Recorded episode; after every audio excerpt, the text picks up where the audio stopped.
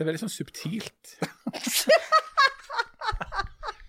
Å, nå gleder jeg meg til å spille denne. Eh, du, Dere men har veldig dere, fine gensere på dere.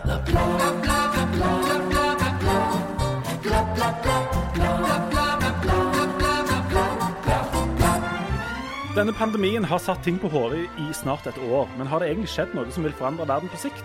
Ensomhet, aldri mer til Syden, isbading, surdeigsbaking, masse grønne trapper. Vi skal òg ha dikt og fjerde episode av Harald på galeien. Så det så.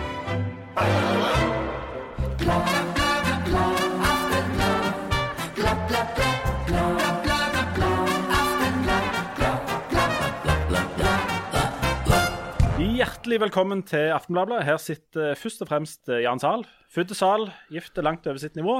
Og først og fremst fagforeningsmann, dernest journalist. Så medlem av eliten, og til slutt medmenneske. Velkommen. Ja, og det, det viktige er det er helt til slutt, for det prioriterer jeg veldig, veldig lågt. Her sitter òg Harald Birkevold, født Birkevold, gift en sju-åtte ganger. Kommentator, først og fremst en mann av folket. Nei da. Elitens talsmann, dere. Velkommen skal du være. Jo, takk.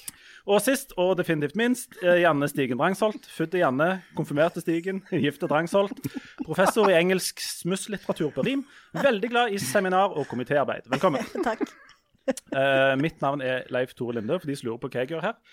Skal, vi, skal jeg fortelle det? Det er um, Aftenbladet har som en av få bedrifter i Norge en avholdskvote. Altså 25% av staben må til enhver tid være enten avholdsfolk eller misjonærbarn. Og eller misjonærbarn. Eller i det minste edru. Ja.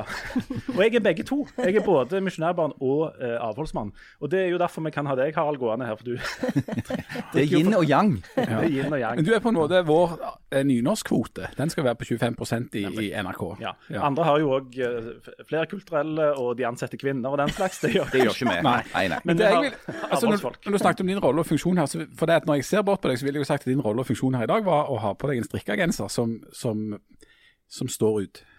Ja. Jeg syns den er fin, den genseren. jeg. Jeg synes den er kjempefin. Og så syns jeg òg det er jo eh, eh, manifesterer dette her yin og yang. Eh, eh, forholdet mellom dere to. For at du har jo en litt sånn nymoderne eh, strikkegenser. Dette er Leif Tore. altså, og fortell, Ja. Beskriv den nymoderne ja. strikkegenseren. det tror jeg jeg overlater til Janne, vår moteansvarlige. Ja, han er jo eh, eh, i noen sånne Hva var det du sa? At de ligner på Space Invaders. Ja. Eh, I en slags, i slags sånn mosefarger, eh, vil jeg si. Mm. Eh, og en eh, På et te teppe av blått. Og så I mosefag Har du Ja. noen sett lyseblå mose sånn og litt sånn mørkere mose blå ut. mose, og Ja. så noe sånn brunlig. Altså, er Kanskje litt sånn rav. det er masse- Nei, jeg mener sånn Hva det heter sånn, Korall. Ko- Ja.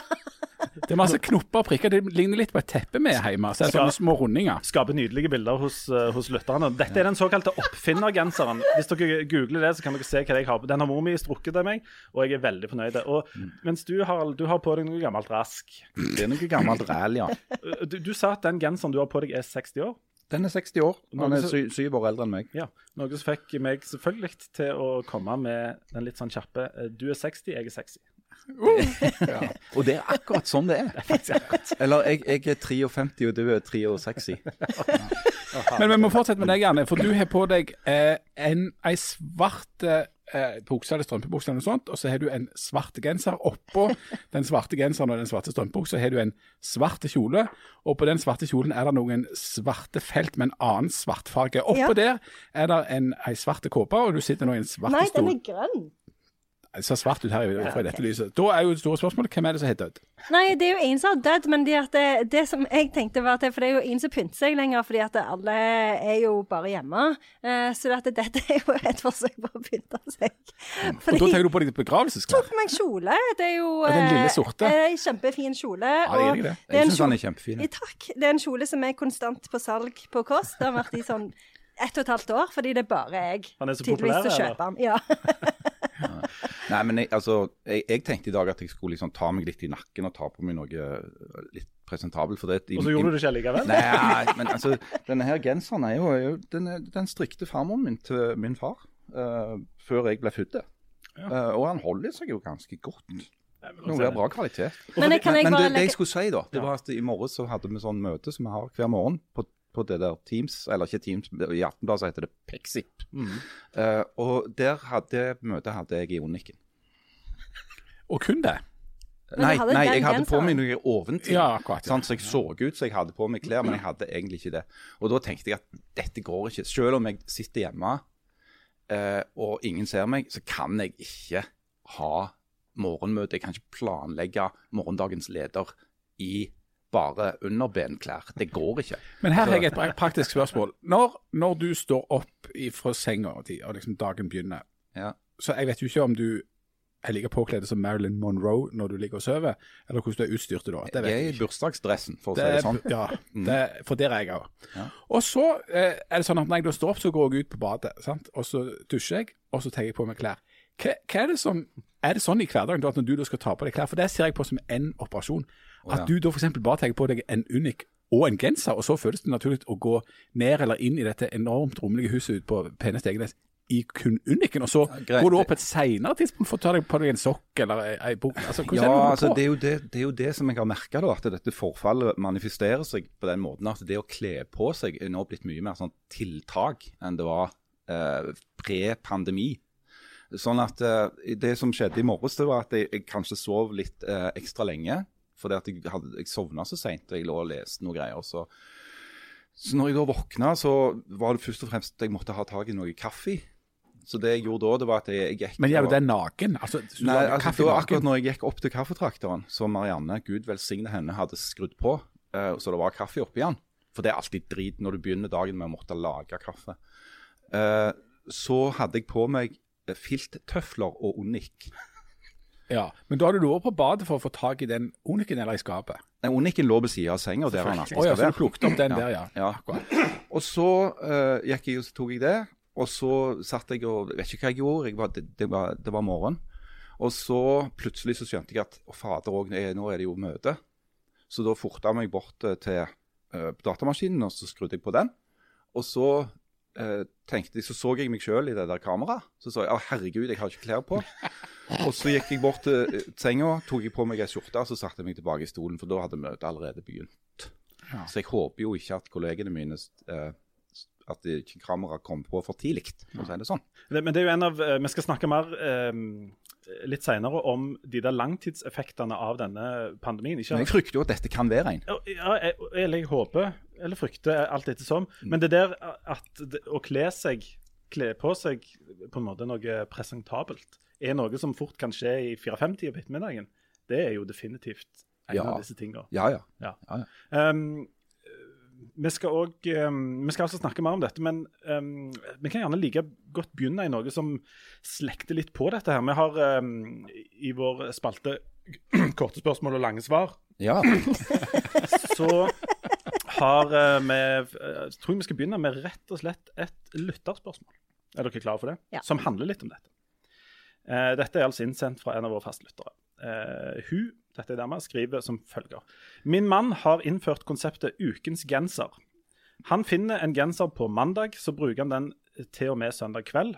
Og da bytter han til ny genser neste uke, altså ukens genser.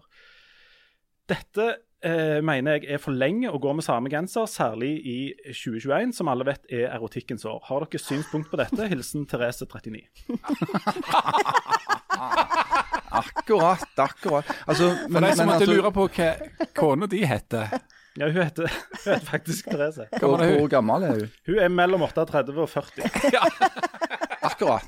Så, s- eh, Men, denne lytteren nå må, Men til denne, Therese, Therese vil jeg gjerne si at uh, er det sånn at uh, denne mannen som du dras med, hvem det da måtte være, eh, har 52 gensere? Det lurer jeg på. Altså, Nei. En, ny genser hver uke høres Nei. jo ja, voldsomt det, Der vil jo jeg tippe at vedkommende, hvem han nå er, Ja. veksler mellom to jumpere. Altså at når den ene er til vask, så bruker han den andre i ei uke, og, og at dette òg følger Si at han har et system med ja, Si at han har ei hovedbukse i ei avlastningsbukse. ja, si at han har det. Ja, for eksempel. Ja. At den ene genseren da fyller hovedbuksa, den andre fyller avlastningsbuksa. Ja. Til og med i perioder der både hovedbuksa og avlastningsbuksa ligger inne i skapet, og han bruker Si at han har ei fast joggebukse som han har arva av en kamerat. Eh, Eller et eller annet sånt tilsvarende. Og at det, Men Dette er på en måte faste antrekk, nærmest som en slags dress. At til den buksa så er det den genseren, og til den buksa er det den genseren. Og så er det de to variantene du kan få av dette mennesket. Ja, vil jeg tippe, da. Men jeg syns det er veldig rart at det er sånn ok, Hvis du går med den samme genseren i noen dager eller i uka, så blir det sett på som litt sånn eh, rart. Sant? Eller, eller kanskje til og med uhygienisk. Men hvis du går med den samme dressen hver dag i ei uke, så er du velkledd. Ja, er du nå det? Altså, det er vel samme regelen for dress? Er det det? Ja, det vil jeg si. Altså, jeg, det jeg, dette her Jeg prøver å tenke på når jeg lærte den regelen, men jeg tror det var på ungdomsskolen. At du skal ha forskjellige klær på deg hver dag. Ja, men du skal Eh, eh, så, men jeg, jeg, eh, Er det en regel? jeg, jeg tror det er en regel. Jeg bare prøver å tenke på, men jeg, jeg tror det er en regel som jeg på en måte følger. Jan, bytter du klær hver dag? Absolutt ikke. Um, men jeg hørte om dette på ungdomsskolen, og jeg har hørt om det borte fra Amerika, at der er liksom, du må skifte absolutt alt Ja. hver eneste dag. Ja. Som jo er et himla styr. Og jeg har jo prøvd jo på det eh, en stund. Og så er jo en av de store fordelene med å bli eh, godt voksen, som jeg var inne på før, det er jo at du kan gi totalt blaffen og bare gjøre akkurat som du vil sjøl. eh, så, så du trenger ikke bry deg om det i det hele tatt. Du kan, og du kan forfalle på alle vis. Eh, det går egentlig helt fint. Eh, så, så det er jo helt meningsløst å drive og skifte antrekk hver eneste dag. Eh, det- jeg, jeg mener jo at det er det praktiske som er det, mest, det beste av det funksjonelle. Det vil jeg tro at den som er gift med denne lytteren, òg syns. Men du har jo et system. Hvem Eh, nei, jeg mener denne, dette mennesket, mannen til denne lytteren, Ja. har jo tydeligvis et system. Et utmerka system som Ja, òg har redusert vel, vel. Eh, men- eh, kanskje denne personen kan accessorize litt? At han kan juice opp disse antrekkene med Litt et eh, flott skjerf eller En caps. eh, en caps. litt, litt bling. Ja, ja. Uten at jeg kjenner detaljen her, så vil jo jeg tro at det med, med at dette ikke handler om å ha en stor garderobe, men å liksom redusere det til ganske lite, så du slipper å forholde deg til disse tingene. Jeg, jeg, jeg mener jo at det aller beste ville egentlig vært bare å hatt at du kunne hatt flere av noe som så akkurat likt ut. Det er jo noen som holder på sånn at de har bare ett fast antrekk. Eller hvis du f.eks. er arkitekt. Da må jo alle gå rundt og se ut akkurat sånn som du gjør ut i dag, eh, eh, gjerne Du hele tida. syns jo det er litt fint. Ja, jeg syns det er kjempefint. Ja, Ja, ja, absolutt. Jeg bare lurer på hvem som sitter. Men du er jo enten da, altså Hvis du har bare Ingen like klær. Ingen. sant, så, at du har sånt, så, så er du jo enten arkitekt eller psykopat. Altså, Ja, sant? ja. altså sånn Og, du og eller. klær. Eh, Og eller, ja. Eller superhelt. Ja, eller superhelt. Eller de, superhelter har jo ofte to antrekk. Mm. Et sånn eh, sivilt og et mer jobbantrekk. Men men sant. vi må komme til en konklusjon. Denne, denne lytteren um, lurer jo på om dette med ukas genser er et uh, eh, bra konsept. Yay or nay, Yay or nay. Ja. Jeg mener at vedkommende skal ikke koble dette med erotikkens år til de klærne som er på. Det er jeg helt enig i. Altså dette med erotikkens år, det skal jo praktiseres uten den genseren. Mm, jeg er med. Ja. Med mindre du Ja. tilhører en sånn subkultur hvor den Ja. genseren har en rolle, da. Ja, pluss at det er jo veldig viktig at denne personen skifter undertøy hvis det liksom Ja, men i- det, altså, ærlig talt, det tror jeg Ja. Personen gjør. Ja, ja, jeg kan jo ikke vite hva, personen, hva slags konsept eh, denne Men du, personen det du gjør, det er at du etter to dager så snur du den bakfra. Og så tar du den på deg til etter fire dager så vrenger du den. Etter seks dager så snur du den bakfra en gang Ja, det er jo litt sånn eh, accessorize-tankegang. Er det, er det, vi har kanskje brukt opp temaet nå, men jeg, det hadde gått an å snakke noe om, om det problematiske klimaet nå når det gjelder dette med klær. Altså den, den tingen som ikke går opp i det hele tatt, med at det er kaldt ute, som tilsier altså varme klær. Og så inne i rom, der er det jo eh, liksom som om du skal være i Syden. Ja, for det hadde jeg tenkt å ta opp eh, Ja. tidligere. Eh, fordi at du, Jan, hadde jo på deg en eh, veldig eh, fin eh, genser. En kjempefin kom, høyhalsa genser. Ja. Men Er, så er la det jeg kasjmir? Er det det? Nei, det er ull, merinoull. i hvert fall. Det er Ja. Merinoull, ja. Ja. Han så veldig sånn Ja, han var veldig, veldig fin. Litt Ja. sånn Love Actually-aktig. Ja, sånn følte jeg det. Ja, og så tok du han av deg med en gang vi kom inn i studio. Nå har du på deg Så du hadde ei T-skjorte under, så du var jo forberedt. Du visste hva som kom til å skje. Ja, jeg håpte at jeg skulle slippe å gjøre dette. Men jeg er enig i at denne genseren er fin. Den har jeg på meg, det er en ullgenser, eh, merino-ullgenser. Den har jeg på meg fordi at jeg vet at senere i dag så skal eh, Kulturavdelingen eh, gjøre sånn som en gjør i det nye at, eller nye arbeidslivet, at vi skal møtes ute og gå en tur. Så da må vi ha på oss varmeklær, for det er minus sju grader ute. Men inni det rommet vi sitter i nå, så er det jo pluss 25. Men dette bringer oss altså over på eh, det neste uh, korte spørsmålet med langt svar. Og det er um, og nå, nå eh, Det er jo ingen podkaster i verden som har gjort like mye som for poesien som det vi har. Og eh, det som jeg lurer på nå, er om den danske poeten Helge Roe hadde rett når han skrev at eh, det er intet i verden så ille som sne. Um, er dere enige i det? Den helvetes hvite driten, så, så en jeg kjenner pleier å kalle det. Uh, nei, altså, jeg har, jeg har ikke et eh, voldsomt uh, hat mot snø. Men jeg synes at hvis jeg kunne, i en ideell verden, da, så skulle det vært liksom ikke så mye snø i byen, og så skulle det vært masse snø rett utenfor byen. Ja. Kan Men- vi ingenting snø her som folk bor, og så at snø kan være frivillig oppsøking? Ja, ofte er det jo sånn i Stavanger, da. Ja. Sånn? Det, Men- det, syns, men, det eh, syns jeg er et kjempeflott konsept. Det er sånn det bør være. Jeg syns på den annen side at når det er litt hvitt på bakken, så blir det altså midtvinters, så blir det litt koseligere, for det blir lysere. Og det er òg veldig kjekt da når det er sånn is på vannet så ungene kan leke på. Ja, dette er jo meg og Harald enige om. Eh, Dette eh, har vi jo avklart allerede. Det, eh, vi elsker jo Harald? Her, her om dagen så gikk jeg over Mosvatnet, siden det går an nå. Og så tenkte jeg herregud, her er det lenge siden jeg har vært. Midt på Eh, vannet. midt på vannet, liksom. Eh, og bare det er litt fint. at Det er noe, det er jo ikke så mye som skjer akkurat nå. ikke sant? Så det, enhver liten forandring er jo egentlig litt fint. Men den eneste fordelen med å bo her, bortsett fra at vi er enormt rike og at eh, vi slipper å bo på Østlandet eller i Bergen, og sånt, er jo at vi slipper å ha vinter her. Eller at vinteren består av fire grader og ren sidesleng, så vi trenger ikke forholde oss til snø på bakken. For eksempel, sånt. Og at hvis du vil gå på ski, så kan du sette deg i, i Tesla-bilen din og så kjøre til Sirdalen og gjøre det. Og Det der med snø uten er jo ekstremt upraktisk. Jeg syns det er helt greit så lenge det ikke er så mye snø. Pluss jeg Altså, syns, pluss jeg syns det er veldig gøy uh, med alle de som går rundt i nabolaget på ski, på langrennsski. Det syns jeg er veldig gøy. Er det Eh, en meter på Sandnes? Her er det jo bare liksom fire centimeter. I Sandnes er det sånn at det, der eh, syns vi Nå er det snø. Hvis det er liksom at det går så vidt over at du ikke kan se gresset, eh, da er det snø. Så da, da finner folk fram ski, og så går de rundt på ski i Smedeheia og på Trones overalt. Det syns jeg er veldig gøy. Da ble jeg veldig glad. Jeg så bilder av det som kunne se ut som en slags trafikkork på en gangsti av folk som gikk på ski rundt et vann på Bryne.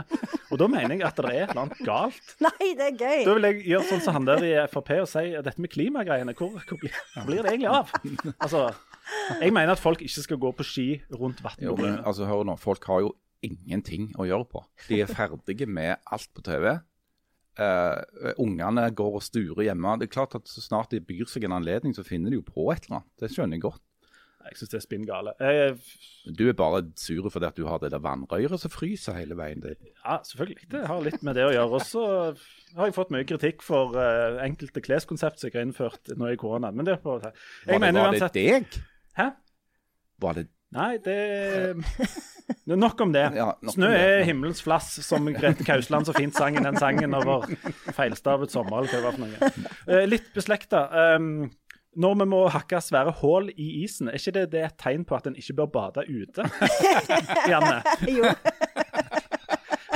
Når ikke vannet er tilgjengelig for bading, er ikke det et hint? Jo. Naturen eller Guds hint om at du bør gå inn og ta deg en dusj? Eller? Pluss at de har jo gjort eh, eh, Hvem er det som har gjort forskning på dette? Er det kineserne? Helt sikkert. Ja. Kineserne eh, vet du, forsker på all slags. De er så løgne sånn. og og eh, det er jo en god sjanse for at du dør når du går ned i sånn et kaldt vann. Eh, det er en ganske god sjanse for at hjertet bare stopper. Så det, at eh, jeg, eh, det er jo en, en, en lefling med både liv og død. Men det er jo en form for befolkningskontroll, da, kanskje. Ja, ja, det er Sant? sant. Altså Et sånt stort darwinistisk eksperiment. Er altså de som... Men jeg har jo merka meg dette bl.a. i min egen feed på mine egne sosiale medier. Så er det forferdelig mye isbading nå. Ja, isbading det er, jo, det er jo sånn helårsbading. Mm. Jeg forstår ingenting. I den grad jeg slår opp på noen sånne sosiale medier, som jeg jo prøver å unngå så godt jeg kan, så er det ikke en eneste dag uten et eller annet sånn smilende menneske i badedrakt, uansett om det er jul eller juli. Nei, Dette er blitt middelklassen sin eh, nye Det- greie, liksom. dette- Alle skal ja. uti. Det er middelklassens nye eh, kulturelle markør at de skal vise at de bader uansett hvor kaldt eller varmt det er, og at det skjer hver eneste dag. Det er jo det er jo galskap. Ja, og så er det veldig fascinerende, for det er jo tydeligvis eh, ei eh, litt sånn verdensomspennende greie. da, Verdensomspennende, i hvert fall i England. Ja. og på kontinentet. Så er det jo sånn at eh, de, eh, det siste året så eh, har en sett eh, ganske sånn Ikke bare at det, der er veldig mange som bader, men at det nå kan få en sånn oppblomstring av sånn noen Hva det heter Sånn noen utendørsbad? Sånn naturbad. Eh, som blir oppretta. Ja, sånn sjøbad, eller sånn som de har i Bergen. Sånn at du kan bade i sjøen, men det er regulert sånn at det Ja. Mm, På Nordnes der. Ja. hva sa du? Ja, på Nordnes der. På Nordnes, ja. Eh, og det, akkurat det i Bergen har jo eksistert i over 100 år, men det ser at det blomstrer opp eh, overalt. Og i England eh, der har de jo eh, skrevet masse bøker om dette, for der kaller de det jo for wild swimming. Eh, og der eh, er det jo sånn at dette har jo vært en trend de siste kanskje sånn fem-seks årene, men at det har liksom gått veldig, blitt veldig populært nå under korona. Men der er det jo sånn at du kan kjøpe sånne guider over sånne steder så du kan dra da, for å bade. Eh, og hun ene som, eh, som har beskrevet hvordan er det å drive med sånn helårsbading, hun sa at det er som å dra på en liten ferie. Fordi at du liksom stiger ut av det vanlige, og så går du, eh, stiger ned i vannet, og så får kroppen et sånn et sjokk. Eh, og så opplever du en sånn en følelse av å være på en måte i et helt annet modus. Eh, noe som gjør deg veldig sånn lykkelig, og gir deg en følelse som ligner veldig på den følelsen du får når du er på ferie. I Hellas, tenker jeg kanskje. Jeg vet ikke. Så jeg ble litt sånn frist akkurat i det. Uh, har dere sett at det er sånn Jeg leste sånn artikkel om liksom de ti beste ferietipsene i år. Og da var liksom nummer én å reise til ei sånn strand i Bodø som ligna litt på ei strand i Hellas. Det er så trist. Men det, det, det, det, med, altså, med isbading og, og endorfiner, ja. det er jo det vi snakker om. Altså, det er jo akkurat den samme følelsen du får når du har trent mm. eller hatt erotikkens år mm. eller dag. Eh, og, og, sånn. Det er jo en, en følelse av at du får en masse sånne hormoner og lykkebelønningsmidler fra hjernen din. Eh, så, så, jeg skjønner jo at det, det har sin attraksjon. For det at når du har overlevd noe livsfarlig, så blir du litt sånn oppspilt. Ja, og så er det jo litt det der med at eh, dagene er så like ja. nå. Eh, og da eh, har du jo behov for å oppleve noe helt annerledes eh, ved hjelp av disse endorfinene, da. Så ja, jeg skjønner det jo. Men, men for meg Eh, så virker det veldig unaturlig. Ja, for Du har skrevet om dette av alle ting da, til Aftenposten Innsikt, er det ikke mm. det? Ja. Um, for, for du, En ting er på en måte isbading, for nå er det jo sånn at det er ekstremt, for nå er det såpass kaldt som det da sjeldent er, eh, og folk hopper uti. Men, men det der at du skal bade absolutt hele året, det betyr jo at du både bader i de tre ukene der det går an å bade for et normalt menneske, og så resten av tida så, så, er det da varierende grad av ubehag. Men er da forklaringa grunnen til at folk gjør dette, det er, altså, det er ikke sånn helseeffekt eller aktivitetseffekt, men det, men det er et kjedsomhet. Eller behovet for å gjøre noe annet enn det du gjør ellers. Ja, det tror jeg i hvert fall at det er nå. Men jeg leste òg en bok, eh, for det er noen sånne eh, dammer i London, eh, på Hampstead Heath, eh, hvor det bl.a. er et sånn kvinnebad. Eh, og der var det eh, 14 forfattere som hadde skrevet sånn essay, som var sånn faste badere i, dette her, i denne dammen. da. og de, de, forklarte det med at altså det var et slags sånn meditativ greier. greie. Eh, sånn som hun ene sa at hun begynte med helårsbading fordi hun hadde eh, nettopp gått gjennom en skilsmisse, var deprimert, og så eh, eh, bada jo gjennom hele den sommeren i denne her dammen. Og så eh, dro du lenger og lenger ut over høsten og merka at det ga jo en sånn en følelse av, av balansen. Det er jo liksom litt sånn inne på det som Harald sier igjen med liksom endorfinene, for det er jo det samme med trening og alle disse tingene. Eh, men, eh, men, men, men uh, så, så, det er jo Så jeg tenker at det, grunnen til at folk driver med helårsbading til vanlig, kanskje er litt annerledes enn grunnen til at folk driver med helårsbading nå, da. Mm. Nå tror jeg folk kjeder seg sånn at ja. de er villige til å finne på hva som helst. Men, men jeg tror jo at for de som overlever, altså de som, som tåler uh, isbading, ja, så, så, har det sikkert en bra helsemessig effekt, for du føler deg jo bedre. Uh, men det jeg syns folk skulle gjøre, hvis jeg kunne få lov til å gi ett råd, så er det at eh, du trenger ikke ta bilde og legge det ut på sosiale medier hver gang du har bada. Det skulle jeg akkurat til å si. For, jeg, for jeg, Hvis det er sånn at dette er en slags sånn personlig opplevelse og glede og, og endorfin og ditt og datt, hvorfor i all verden må alt dette fotograferes og legges ut på, på internett? Men, men, der er det jo ei sjuke. Folk kan jo heller ikke gå på en skitur eller gå opp på en, en bakketopp engang. Eller på en strand på Jæren. Eller på en strand på Jæren. Kan ikke gjøre noen ting. Det var min første Instagram-post på et halv, nei, på ett år. Nesten. Ja, Men da var du på tur, ikke ja, sant? Tur. Ja. Og Det er fordi du merker nesten press at kan du, kan du, gjøre noen ting som helst uten å ha tatt et bilde av deg sjøl framfor et tre eller en Ja, har det skjedd? Altså? Har det skjedd? Det er det. Ja, og jeg kjenner at, eh, at folk, må, folk, må, bade, eller de må stå på landet, de må gjøre hva de vil. Uh, men, men, men de der bildene, altså Å ja, nå hoppet vi i sjøen i dag.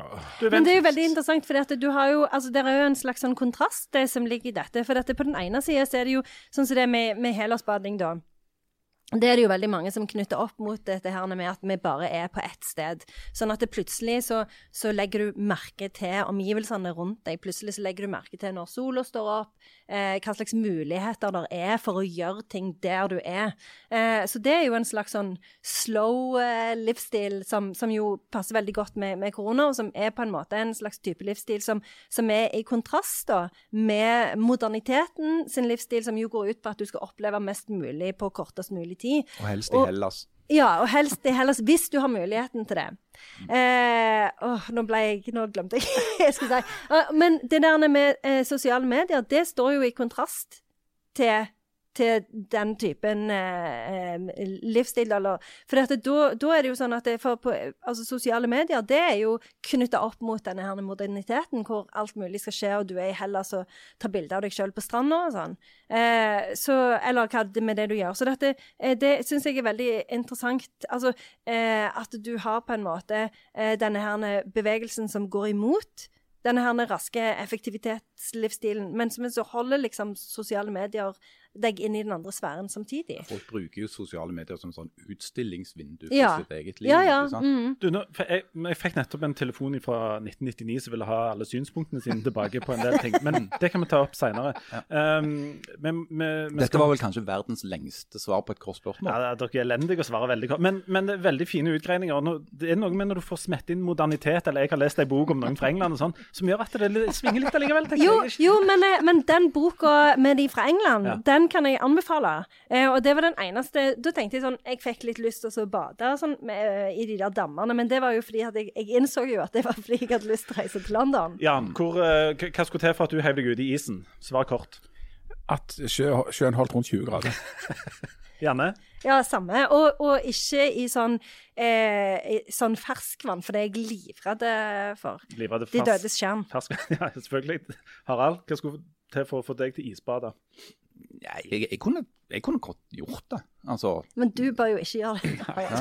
Jeg bør jo ikke gjøre det, da. Jeg har jo dårlig hjerte og, ja. og helse i det hele tatt. Ja, hva har, hva har vel isen gjort galt mot oss? Jeg skal ha deg nedi der. Du, vi, vi, skal ta en kjapp liten pause, så er vi eh, øyeblikk tilbake med to kortspørsmål til, og et litt langt, og dikt og galei og i det hele tatt. Stay tuned. Hjertelig velkommen tilbake til Aftenbladet. Vi har to litt kortspørsmål igjen før vi skal snakke om langtidseffekten av korona.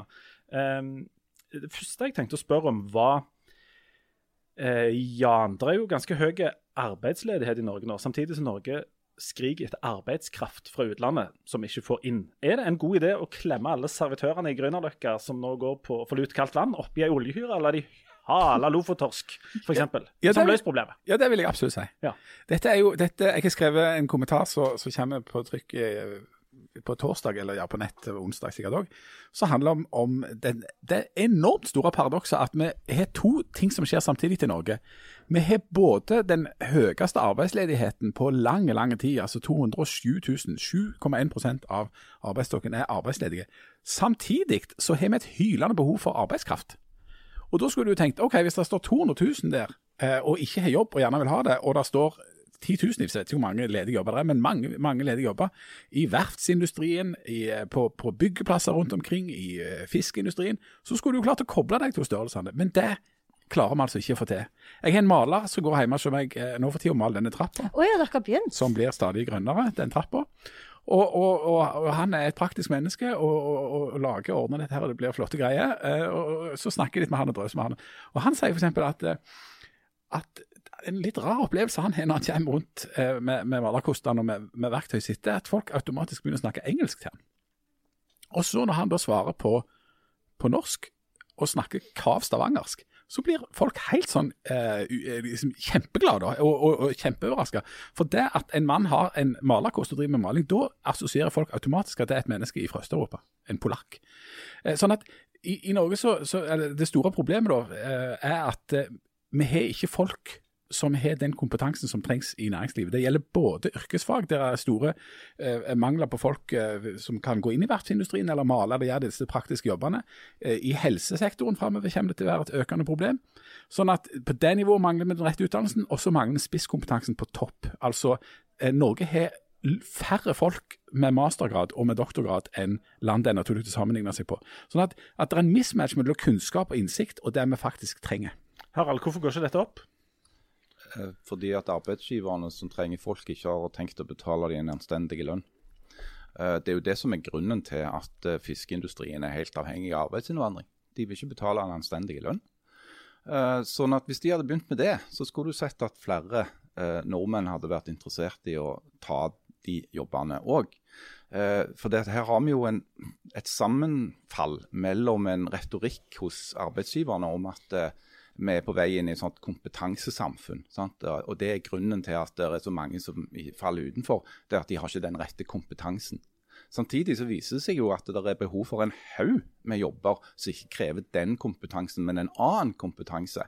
Men de er ikke de villige til å betale for. Samtidig så, så stemmer jo ikke det helt.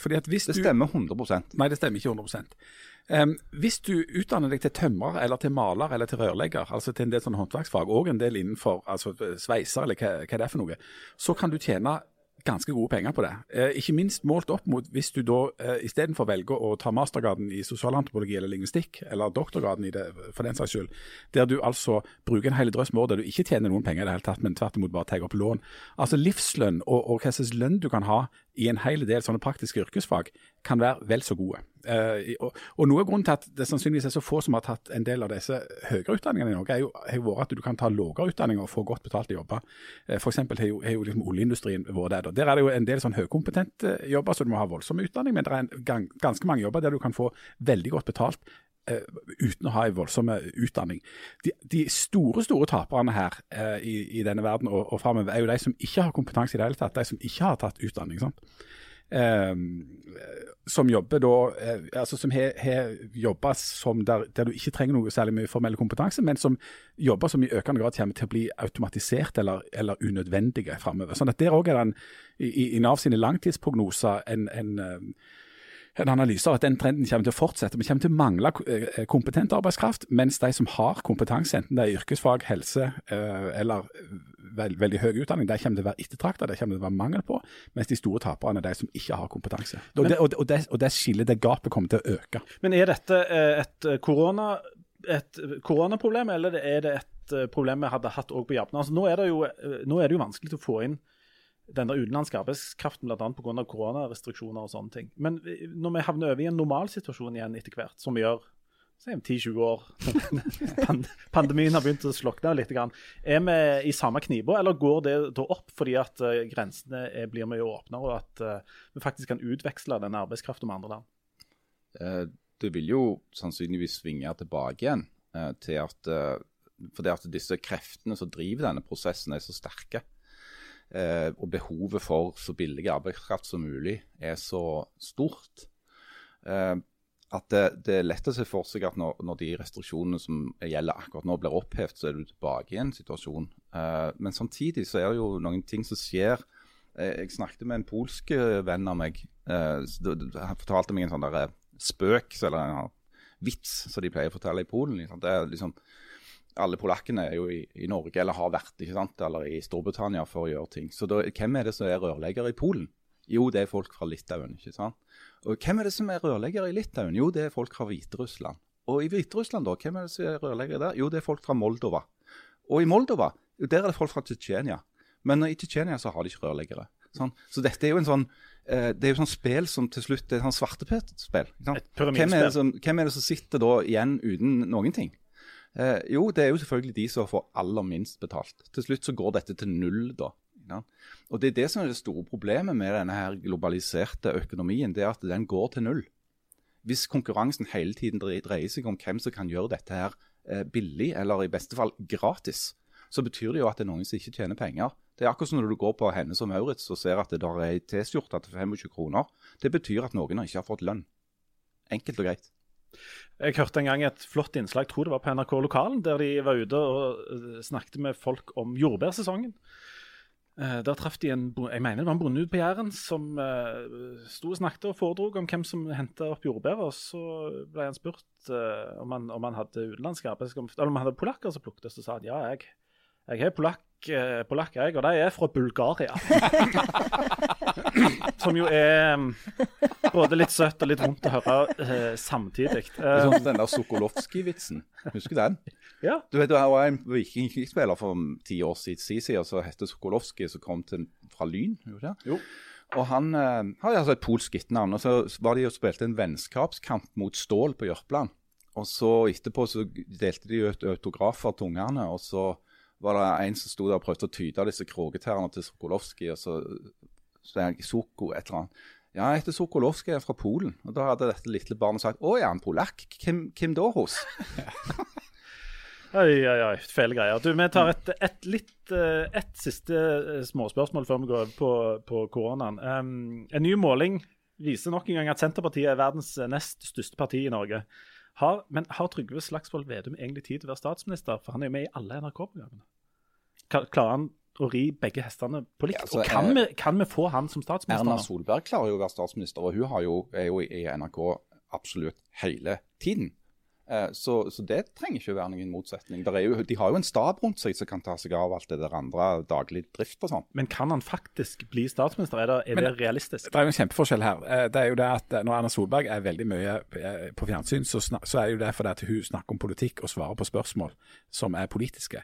Han der Vedum han danser eller har på seg sånn rar drakt, og hvis noen stiller spørsmål, så svarer han bare på noe annet, og så ler han. Så det er jo en veldig stor forskjell på Erna Solberg og, og Slagsmål Vedum. Men nå har Senterpartiet vært større enn Arbeiderpartiet på flere målinger.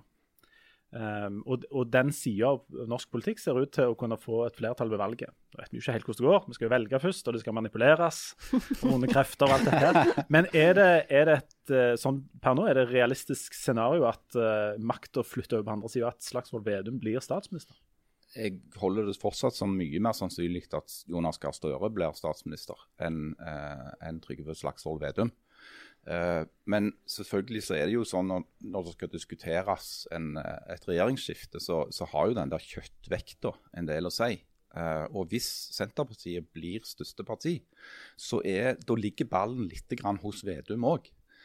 Vil han uh, ha lyst til å være statsminister, eller vil han trives bedre i en sånn nummer to-rolle Eh, med, med, Støre som, som lagkaptein. Da. Og jeg tror, jeg tror, egentlig at Vedum er såpass smart at han skjønner det. At det er kanskje bedre for han å ikke være statsminister. Det tror jeg òg. Jeg tror eh, Altså Senterpartiet er jo et maktparti. Altså Det er få parti som har så mange betalte politikere med makt rundt omkring i Norge som, som Senterpartiet. Senterpartiet er jo et framifrå godt forhandlingsparti. De vet å bruke makta si. De er grevlig gode i forhandlinger, og de sikrer seg veldig mye både posisjoner, innflytelse og, og makt der.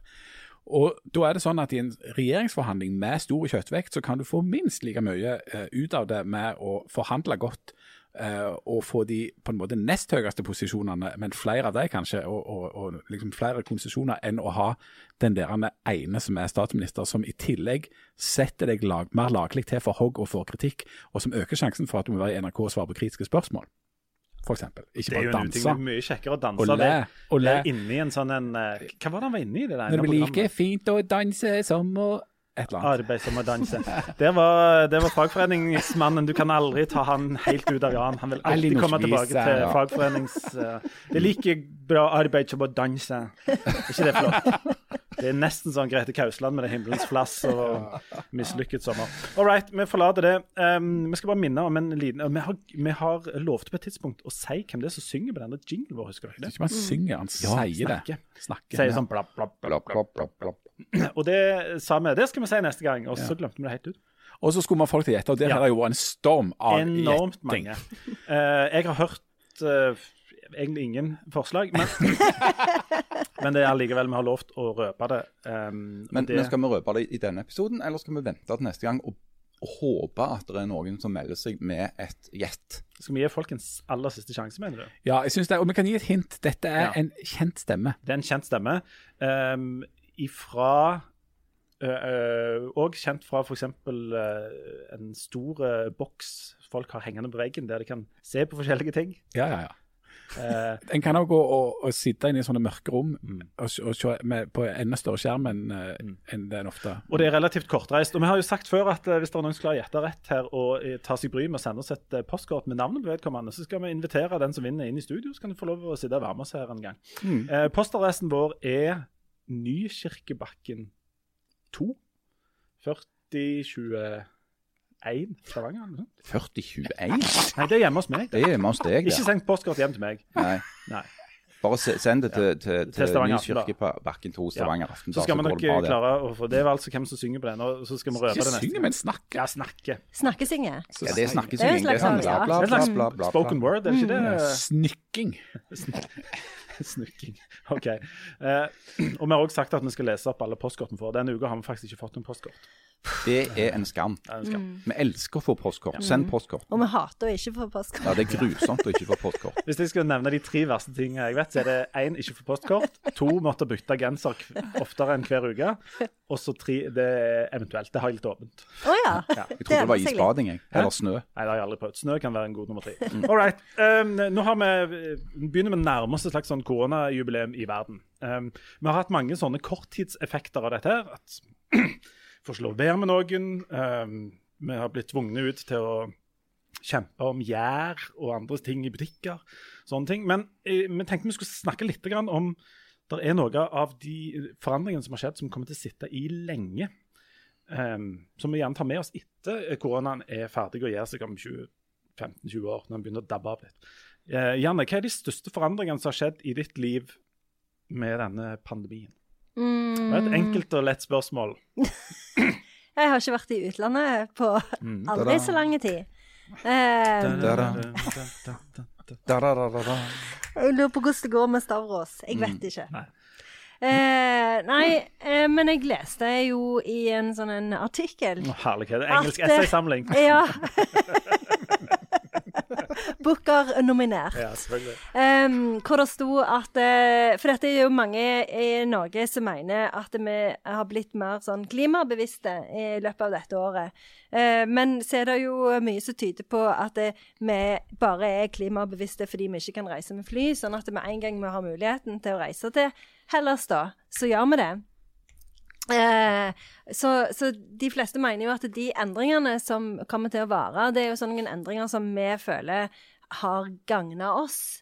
Eh, som vi har fått utbytte av, da. Eksempel disse helårsbaderne vil jo kanskje fortsette med det, fordi de syns det er helmaks. Eh, men personlig så syns jeg kanskje at eh, dette her med, med hjemmekontor har fungert veldig bra, og eh, at, det, at jeg ikke har vært så mye sånn på reise som før. Det syns jeg har vært eh, lagt mye mer sånn ro inn i hodet mitt. Jeg tror i yrkeslivet er den plassen de største langtidsendringene kommer til å komme. Um, jeg tror at folk kommer til i langt større grad å kunne, at det blir mer fleksibelt, at du kan jobbe hjemme mye mer. Eh, tidligere så var det liksom som at ja, hvis du skulle ha hjemmekontor, det betyr at du nærmest skulle skulke eller fri eller bare være hjemme og sånt. Eh, og så er det vist seg at folk er jo eh, produktive og effektive òg på hjemmekontor. Eh, det kan sikkert være vel så, så, så effektivt som å sitte i et åpent landskap der alle rundt deg sitter og skriker. Og så tror jeg òg at det veldig godt kan hende at det blir noe mindre reiseaktivitet i yrkeslivet. Altså at eh, disse eh, digitale møtene som vi alle holder på å spy av, når det kan bli litt færre av dem, men, men at vi heller tar et sånt et møte enn å fly til Oslo for å ha et møte eh, som var i en time. Og det vil jo være en sånn eh, miljøgevinst i, og sikkert en økonomisk gevinst i, og en tidsgevinst i. Der, der tror jeg det er noen endringer. Mm. Jeg kjenner også mange, ikke mange, men jeg kjenner noen som eh, har hatt som sånn rutine å reise til Oslo to-tre ganger i uka. Eh, veldig ofte for å Altså en taxi ut til flyplassen, fly til Oslo, flytog inn. Et møte på halvannen time, en lett lunsj, og så tilbake samme rute. Um, som eh, har for meg har framstått litt sånn merkelig. Skulle bare bort og møte noen. Men det har jo vært en vane for veldig mange. Um, og de har jo ikke gjennomført dette nå og oppdaget at det går an å la være. Um, men jeg lurer litt på om det er, om det er sånn som en gjør sånn som en, sånne vaner som en sklir tilbake til etterpå. Om bare, om det er bare sånn unntakstilstand, eller om, det, eller om det kommer til å vare. Jeg håper jo det varer. Jeg syns det høres veldig ufornuftig ut å drive med den flygingen fram og tilbake hele tida. Jeg, jeg beklager å måtte si dette, men jeg er enig med Jan. Eh, jeg, tror at, eh, jeg tror at han har rett i at eh, mange av de varige endringene kommer til å skje i arbeidslivet. Eh, og at det vil eh, merkes lenge, lenge etter at pandemien en gang er, er over. Eh, fordi eh, arbeidsgiverne har innsett eller forstått at eh, hjemmekontor ikke nødvendigvis betyr det samme som at du er klipper plenen og skulker. Og at det er veldig mye unødvendig reisevirksomhet som bare kan kuttes ut. Det er jo òg bra for klimaet. Men jeg husker jeg leste en sånn en undersøkelse før korona eh, om dette med hjemmekontor. Eh, og da, eh, Det var en, eh, en, amerikansk undersøkelse, da, men den viste at det var 25% mer produktivt å jobbe på hjemmekontor. Men at eh, folk flest altså at eh, Blant de som fikk velge, da, så ville halvparten velge å være på kontoret pga. de sosiale fordelene, da. Eh, Så det, så, det, vil jo selvfølgelig òg spille inn. Men jeg tenker òg, sånn som du sier, Jan, med det med reisevirksomhet, at det er jo For det, før så var det jo en mer en sånn forventning sånn som du sier, eh, eh, Tore, med dette her med å reise til Oslo, at det var jo en forventning fra deg i Oslo om at du tok det flyet for å være med på det møtet. Mens nå er, når folk er så vant med Teams og Zoom og ser at det går an, så vil jo det være kanskje sånn at, det, okay, at den forventningen er ikke så stor som han var før. da. Du, vi, vi sitter, I i Aftenbladet har vi et, eh, et, stort bygg som er helt åpent omtrent. Det er ingen som har uh, sånn gammeldagse kontorer og sånt. Og det er noen det er en som skam. Har, det er en skam, selvfølgelig. Uh, men eh, det er jo òg de som har spekulert i om, det, om denne pandemien kan være liksom, dødsstøtet mot disse åpne kontorlandskapene, som masse forskning viser heller ikke er bra for veldig mange andre ting enn at det er billig. Altså, Ca. halvparten av de som jobber i åpent landskap, mistrives. Mm. I større eller mindre grad. Ca. halvparten liker det i større eller mindre grad. Men når pandemien er over, og, og det fremdeles er økonomene som sitter og regner på dette, her, er det noen grunn til å tro at eh, folk går tilbake til sånne cellekontorer eller sånn? I noen bedrifter så tipper jeg det, hvis de har eh, økonomiske mulighet til det. Uh, at, det blir, at, du ser for deg at du får, du får uh, kontormiljøer som er mer sånn blanda. At folk kan velge hvordan de vil sitte litt ut ifra personligheten sin, men òg ut ifra hva slags type jobb de har. Altså En del jobber er jo avhengige av at du kunne, skal kunne snakke sammen mer eller mindre kontinuerlig. F.eks. desken i en avis er et sted hvor de sitter og snekrer morgendagens eh, produkt og er nødt til å ha åpne linjer. ikke sant? Eh, altså den, den, delen av avisredaksjonen har alltid vært et åpent landskap. Eh, det har alle sett på film. Eh, mens mye av det altså journalistiske arbeidet som skjer i, i, en, eh, i en, sånn avis som oss, da, Aftenblad, det foregår jo med at det sitter et menneske for seg selv og skriver noe. Det er jo det som er hovedjobben til journalister. Og det trenger du ikke sitte sammen med noen andre for å gjøre. Jeg er jo redd for at, eller ikke redd for, men det er en viss sannsynlighet for at hvis du er, er økonom eller liksom regner på et sånn Excel-ark, så vil du se en mulighet eh, til å gjøre det enda billigere framover. Fordi at hvis du ser at eh, halvparten er hjemme eh, i snitt hver dag, og du har 100 eh, folk som jobber hos deg, så kan du si OK, men vi trenger jo ikke ha 100 arbeidsplasser eh, på jobben. Vi trenger ikke ha lokaler til 100 stykker eller pulter til 100 stykker som er fullt utstyrt. Vi kan ha til 50 eller til 60. Fordi at vi vet at det er 40-50 som til hver tid er hjemme.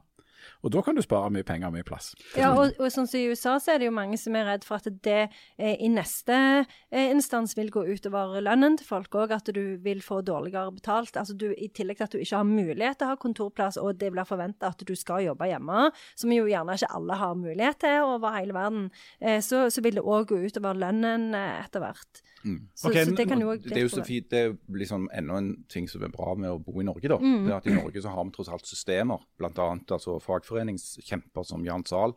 Som, som, skal sørge for at, at, du ikke får en sånn forjævlisering av arbeidslivet. Da har dere virkelig fått rett mann på rett plass.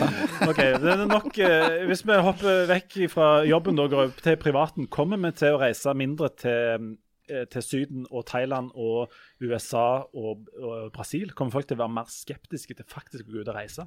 Nei. Iallfall ikke hjemme.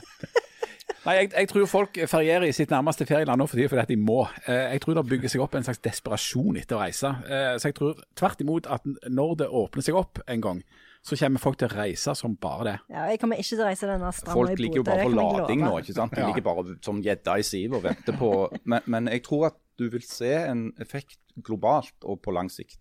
Eh, og det, det, mener jo de fleste som driver og analyserer dette her markedet òg, at det, det, kan ta mange mange, mange år etter at pandemien er over, før du er oppe igjen på sånn pre-pandeminivåer når det gjelder reising.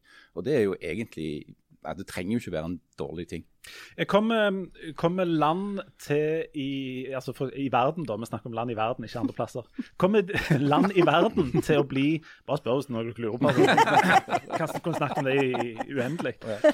Um, kommer vi til å bli mer sånn proteksjonistiske? Passe bedre på grensene våre og sånt for å ha en slags um, kontroll ja, Det tror jeg òg kan være en, en, konsekvens. Når du snakker om å være selvforsynt med, med, malere eller sveisere eller folk som kan jobbe i fiskeriindustrien.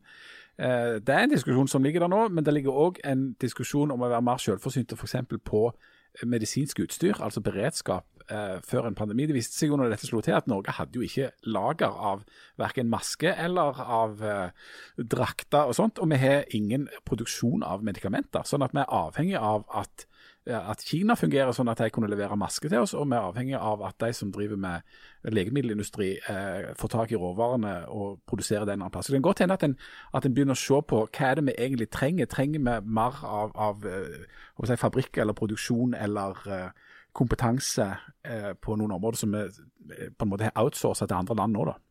Mm. Hm. Um, en ting som um, jeg tror folk kommer til å være noe mer skeptiske til etter dette, det er rett og slett å spise flaggermus og beltedyr og sånne ting. Det tror jeg kommer til kan få seg en alvorlig dupp, og den tror jeg kan sitte i lenge. Ja, Når en først reiser til Kina, f.eks. Ja. Og så er du på et marked langt oppi der og får tilbudt beltedyrsuppe eller noe sånt. Tror jeg folk kommer til å tenke seg om to ganger. Ja. Ja. Hvis du bare koker beltedyr godt, så skal jo det ta knekken på, på viruset, da. Så da kan du bare spørre Has it been boiled? ja. ja. Men det er veldig vanskelig å si. Det er helt rett på kinesisk. Ja, da, ja, ja. Det, det, det uttalen der, hvis du sier nø, så, sånn, så betyr det ikke så godt steikt. Altså, medium, medium, medium raw. Sånn beltedyr. Ja, nei, det er ikke så bra.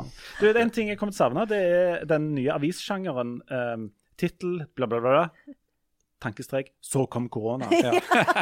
Ja. Gi meg en hva som helst uh, avistittel, Harald. Uh, trodde på oppgang. Så kom koronaen. En, gjerne en Hit me. Noe litt sånn positivt. Å ja, positivt? Ja, en positiv um, uh, Nei, jeg kommer ikke på noe. Så kom korona. Ja. Mm. Det er sånn uh, uh, Janne fikk endelig inntekts, inntekten opp. Så kom korona. Å oh, ja, var det så positivt? Ja, ja, ja. Det er sånne. Mm, ja, Erik okay. ble tatt ut på landslaget. Så kom korona. Mm. Mm. Den avissjangeren kommer jeg til å savne. Den syns jeg har vært enestående flott. Harald hadde ofte på seg klær på morgenmøtet. Så kom koronaen. Mm. Ja, han hadde helt fin trapp. Så, Så kom, kom korona. Nei, Nydelig. Jeg håper, at, eh, jeg håper at den eh, lever en stund. Um, vi skal uh, begynne å uh, gå litt inn for landing. Vi har lovt uh, fjerde episode i Harald på galeien, um, som er en serie til skrekk og advarsel for ungdommen om å innta Uh, målet er å få flere rekruttere avholdsfolk. Derfor forteller Harald om sine opplevelser med uh, Satans egen drikk, alkohol. Ja, og det er jo òg Vil det være alkoholkonsumet? Mm. Det tror jeg. Mm. Jeg tror det kommer til å fortsette inn i evigheten. Du kan bare ta det helt rolig, Janne. Kommer ikke til å stenge den inn. Er det nok? Ja, nei, altså, Harald, hvor forlot vi deg sist?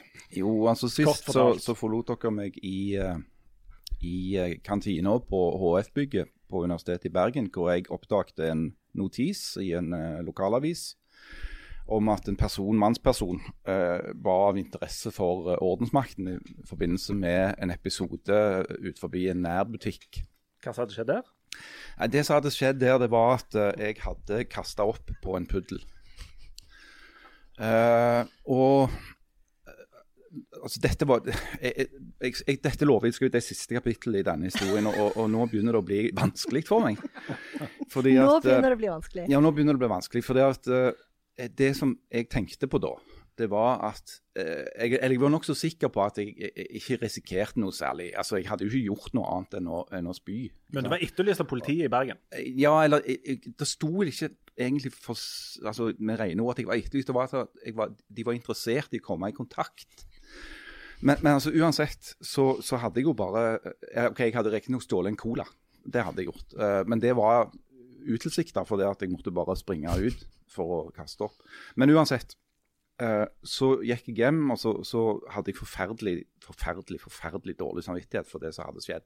Fordi at jeg tenkte sånn på hun stakkars dama med den lille hunden som trodde at jeg hadde drept han eller forsøkt. Og, og alt det der. Uh, men samtidig så torde jeg ikke gå opp til den butikken igjen. For jeg var jo redd for å bli gjenkjent. eh, og, og at det skulle bli ubehageligheter.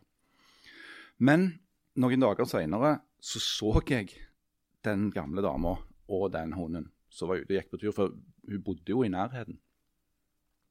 Og så tenkte jeg jeg følger etter. Kjempeidé. Ja, ja, men tanken var at jeg, jeg skulle si unnskyld. Eh, så at jeg fulgte etter på, på diskré avstand. Og så så jeg at hun bodde i et hus der hun gikk inn eh, og lukket døra. Og så sto jeg ut forbi der og så var jeg voldsomt i tvil. Hva skal jeg gjøre, hva skal, og hva skal jeg si? For da hadde jeg liksom tenkt, tanken min at jeg skulle ringe på og beklage det som hadde skjedd. Og forklare henne at det ikke var For jeg tenkte hun går fortsatt og tror at det er en mann i dette området som, som, som ikke er helt uh, bra i, å, å, angripe hunder og, og sånn. Ok, Men så gikk jeg da, etter litt tankevirksomhet og tvil, så gikk jeg opp trappa og ringte på. Og så åpna hun opp, og så begynte hun å skrike.